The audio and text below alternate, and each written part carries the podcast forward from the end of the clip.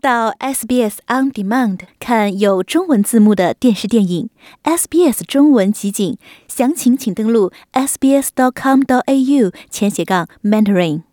从法律角度看待社会现象，以专家意见指点生活迷津。请听现场说法。现场说法，您了解法律、咨询问题的空间。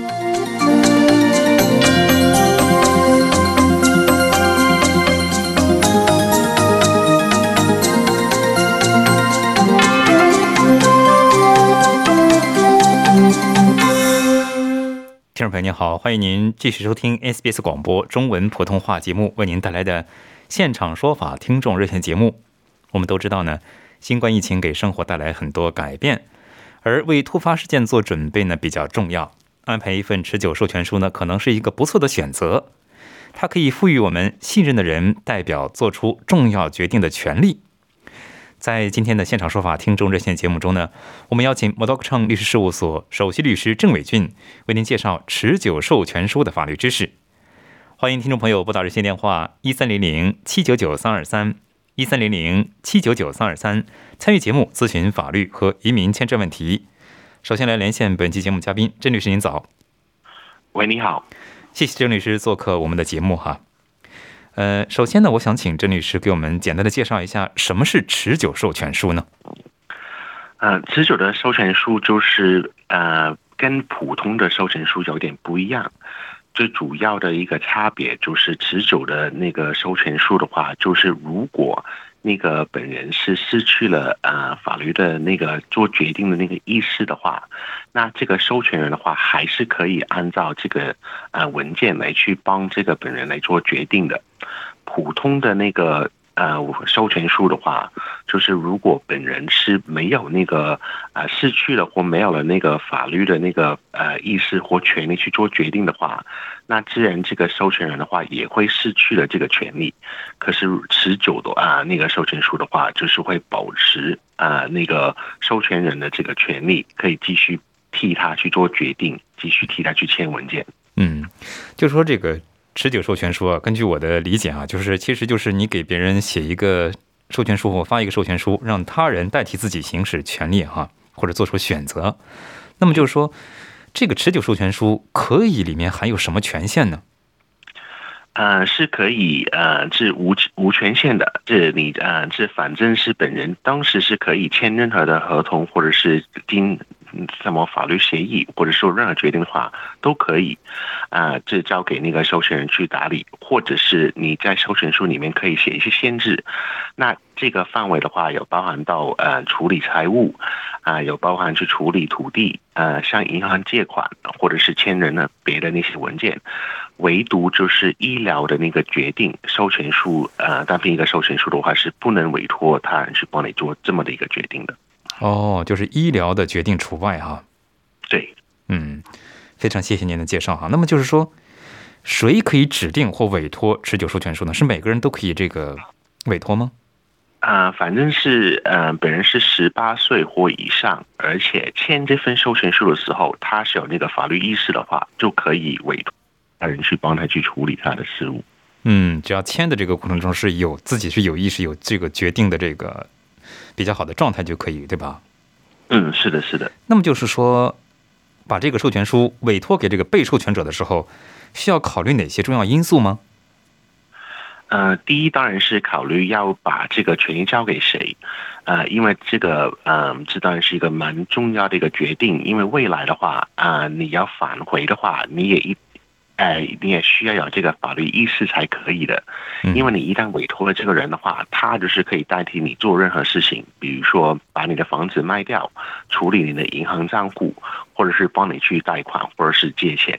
这些的话，他一旦用你的名义去签了这份文件的话，就等于说你自己本人的话也签了这个法律的那个协议，所以谁去做这个决定的话，呃，或者是你授权给谁是很重要的。嗯，那第二个的话，就是你呃这个授权是什么时候开始，什么时候结束？啊，这比如说，如果你在海外，你需要一个人帮你自暂时去代替，或者是替你去签一些文件的话，那那个授权书是可以写一个呃条件或者是那个时间的，就是说，如果我在海外，这个授权书才有这个法律效力。啊，第三的话就是有没有什么限制？因为要需要知道的就是说，如果未来你是要去取消或撤回这个授权的话，你也必须要有法律那个呃意识才可以签得到一个撤回的一份文件。如果你未来是失去了或从法律的定义失去了那个做法律决定的这个意意思的话，那你是撤回不了一个持久的委托啊授权书的。嗯。那么就是说，如果是自己有这个做法律决定的意识哈，并且已经这个发出了这个持久授权书，并且找到了授权人，已经给他了哈，但这个时间范围内呢，我想撤销这个持久授权书该怎么办呢？呃，也是签一个撤回那个委托呃授权书的一份文件，那这份文件的话，也是要交给那个呃这本来的那个受呃这那个受托人。让他知道这个已经已经被呃撤回了，然后这个呃授权书的话是可以拿去啊州政府的单位去注册的，所以如果注册了之后啊你要撤回的时候，撤回的那份文件也需要拿去注册。嗯，非常谢谢郑律师的介绍哈。那么就是说，如果比方说，尤其新移民来这儿，觉得没有什么特别靠谱的人可以作为这个被授权者的话，怎么样可以？通过其他途径找到这个比较靠谱的被授权者呢？嗯，这边的话，如果是授权的话，是有一些专业的机构或者是政府机构是专门是可以当你的那个信托人的，他们是可以按照你的那个原始的那个呃指示去帮你去啊处理你这些事宜啊，可是。当然，他们是有相对的那个费用，然后如果是要把他们去撤回的话，会比较困难。所以，如果嗯是呃没有说百分之百相信呃某一个人的话，那最好的方法就是在那个授权书里面写好一些限制，就是说呃是什么种什么事情他们可以帮你做决定，什么事情是不可以的。或者是，呃，你可以呃同时委托两个两个人，必须要两个那个授权人同意了之后，才能去做这个决定。所以这这个两个人可以互相去监督一下，来去帮你去把关。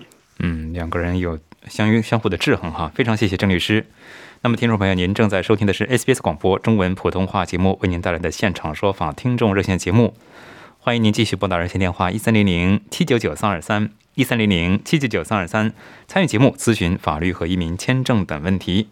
接下来我们来接听听众电话。首先，这位是季先生，季先生您好。哎，你好。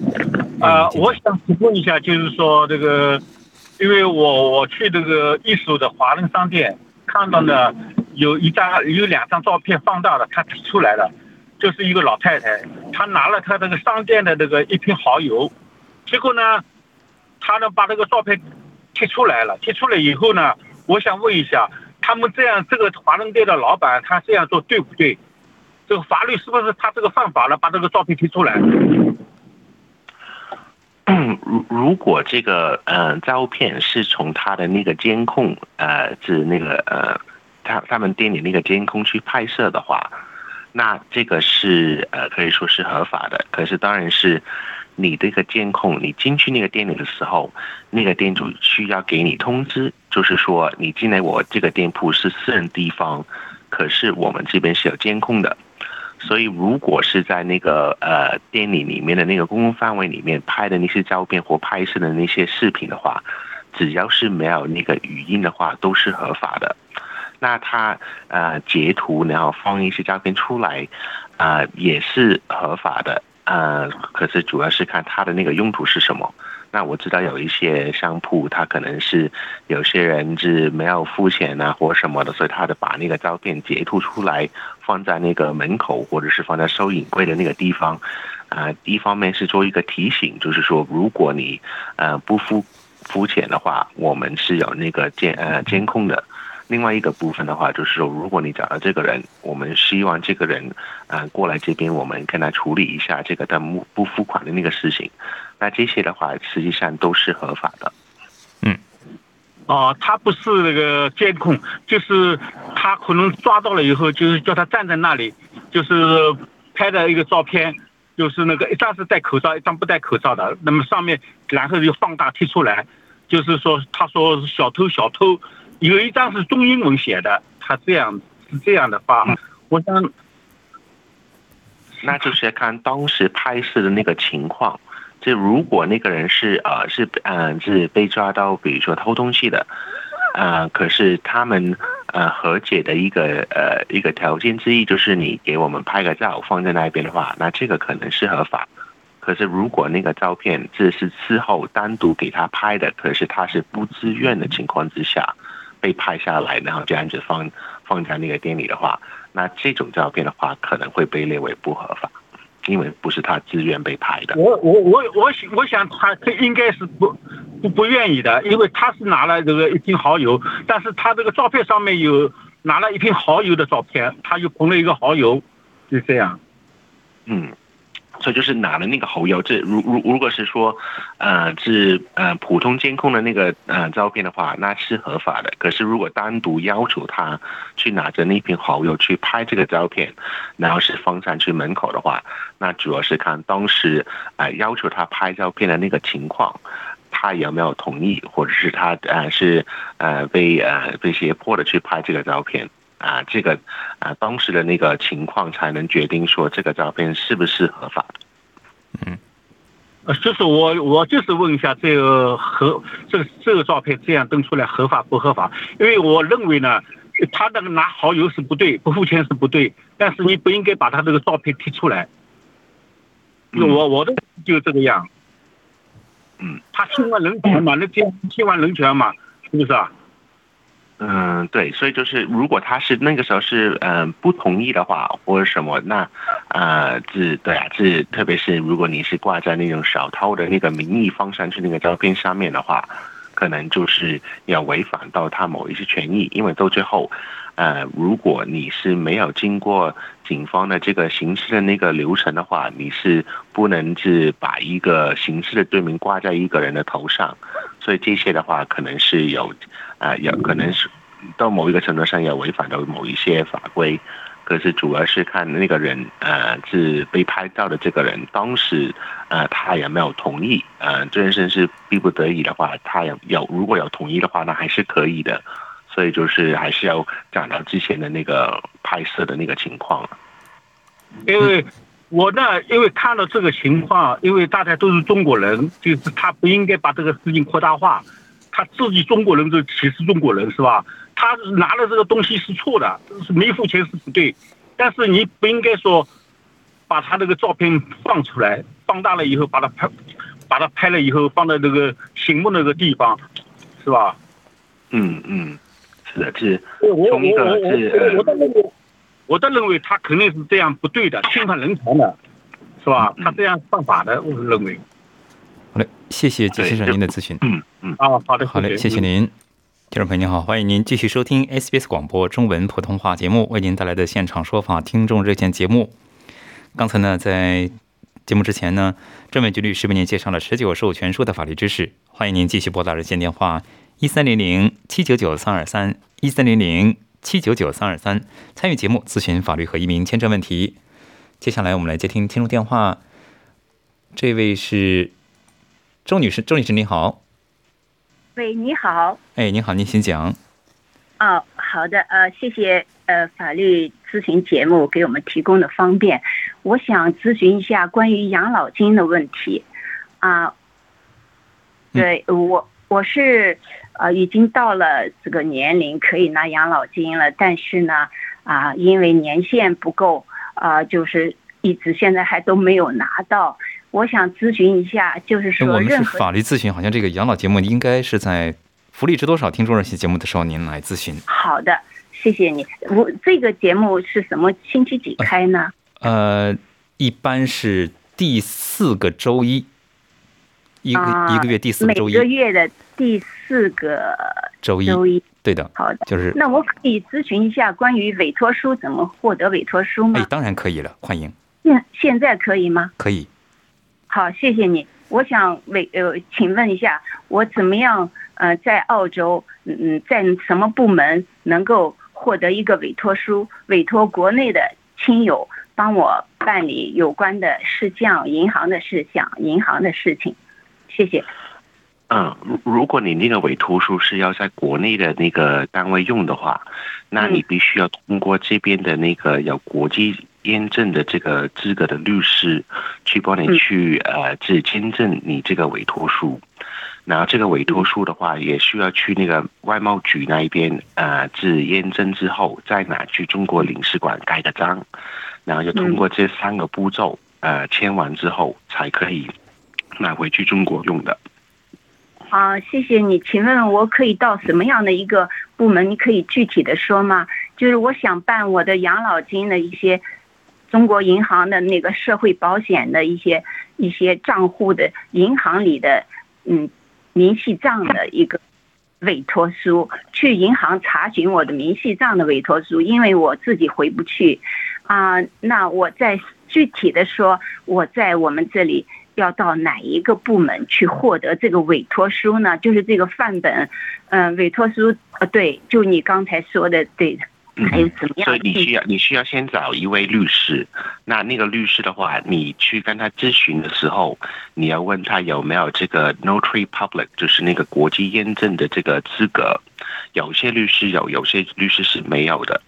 呃，所以这个的话就是呃，你的第一步，然后他就会可以帮你去呃写这个委托书，跟帮你去做验证的这个流程。那如果你不知道哪一个律师呃有那个 public notary 跟验证的话，有那个 public notary 的这个网站，它是可以帮你去列出在你附近有 public notary，就是那个国际公证的那个资格的那个律师。那你可以在那个名单里面去搜，或者是去呃自咨询一下你平常用的那个律师，他们有没有这个资格？嗯，谢谢你，请你告诉我这个网站的呃名字好吗？就是具体的拼写，谢谢你。呃，这个呃，我印象中是 notarypublics.dot org dot au。o r g dot a u。啊，那一开始是 notary 是怎么拼的呢？谢谢你。嗯，N O T A R I E S，然后 P U B L I C。呃，我慢一点，请慢一点，谢谢。我这个英语不行。N 嗯 N O T A T A. T T A I E. T A R I E. S uh, uh, N O T A R I E. So, yes. And uh, now now public. P U B L I C. Mm, public. P U P L I C. 对，dot org dot org dot A U。dot org。O R G dot A U。dot a u，谢谢你啊。然后，嗯，那我去到我当地的这个法律咨询的一个部门，嗯，我可以去，也可以去查，去去找律师，对不对？谢谢。对对，是可以的，对。哦，好，那好的，谢谢。谢谢周女士，祝您顺利。接下来我们接听下面一位听众，这位是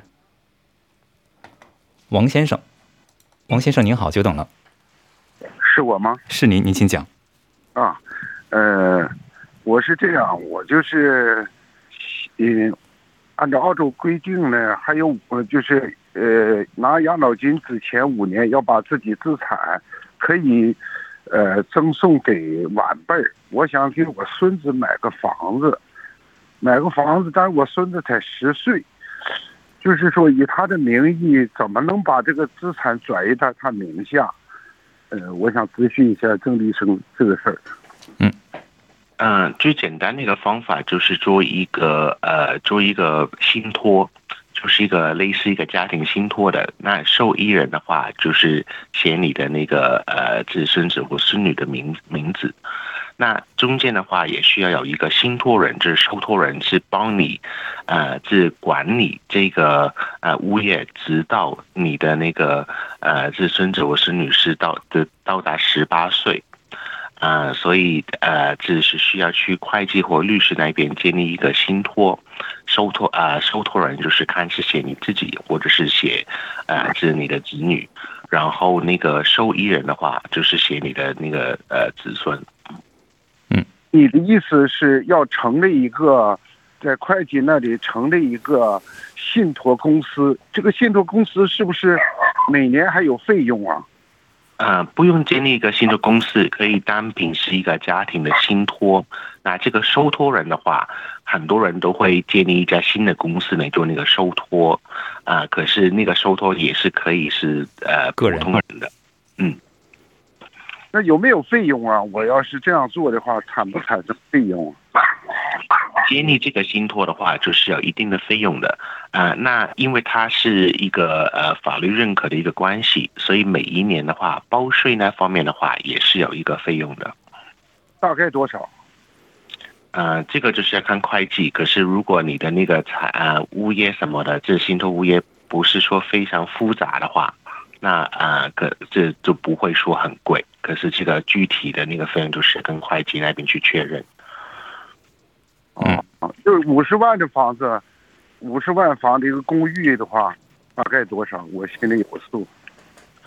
嗯，如果是会计费的话，你可以预料大概一年报税的话，可能是一两千块左右吧。嗯，啊，其他费用就没了，是吧？嗯，就没有了。对。那么他这样的话，就是审核我拿养老金的时候，他允许我拿养老金前五年把这个资产处理了。我如果按照他的要求，前五年。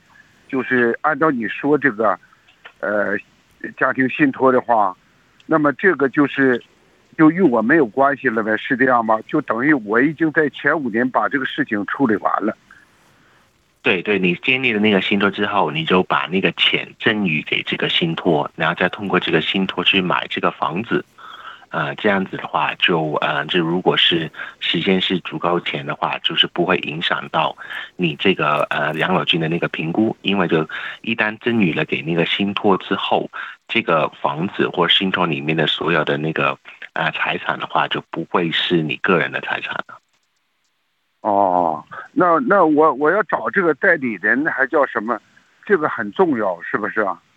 嗯，对，就是对啊，这你看，呃，这当然是找一个信得过的人了，啊，来去当这个受托。可是那个文件也是会，啊，是很明，啊，这这就也会写出他只是有一个代理或一个代持的一个名义。那呃，等到呃，这孙子孙女十八岁或以上的话，就是需要把那个房子转到他的名下的。嗯，啊。好的，谢好嘞，谢谢王先生，祝您顺利。听众朋友您好，欢迎您继续收听 SBS 广播中文普通话节目，为您带来的现场说法听众热线节目。做客本期节目的嘉宾是毛道克城律师事务所首席律师郑伟俊。接下来我们继续接听听众电话，这位是周女士，周女士久等了。哎，你好，是我吗？是您，您先讲。啊，好，我想问一下，在澳洲，呃，有不特别熟的朋友借钱。呃，想让他出具一下就是借条，呃，怎么样的借条具有法律效应？就是比如说以后有什么问题，呃，可以让他还，或者说怎么样？呃，什么样的借条具有法律效应？就这个问题。嗯嗯呃，那借条的话，是因为借条就是一个呃合约嘛。那合约这如果借条的那个最基本的那个信息，就是借款人跟那个呃放款人是谁，呃，金额是多少。然后那个钱，呃，对，然后那个如果是利息的话，那个利息怎么计算，什么时候支付？然后就是那个钱什么时候要去还？然后如果是有呃是呃抵押的话，那或者是要拿房子或什么出来了做那个抵押的话，这个的话也是要列清楚有还是没有啊。然后就是这个会牵连到一个讯位的一个问题，呃，然后呃是。这这个协议签的时候，最好是有一个独立的一个见证人，不一定是律师，或者是，呃，可是最好是有一个十八岁以上的一个见证人，见证的双方去签字。然后最重要的就是汇款的时候，直接真的是把那个钱拨出去的时候，最好是通过银行转账。然后通过银行转账的话，就是按照合同里面那两位签字的那些人去做一个汇款的那个手续。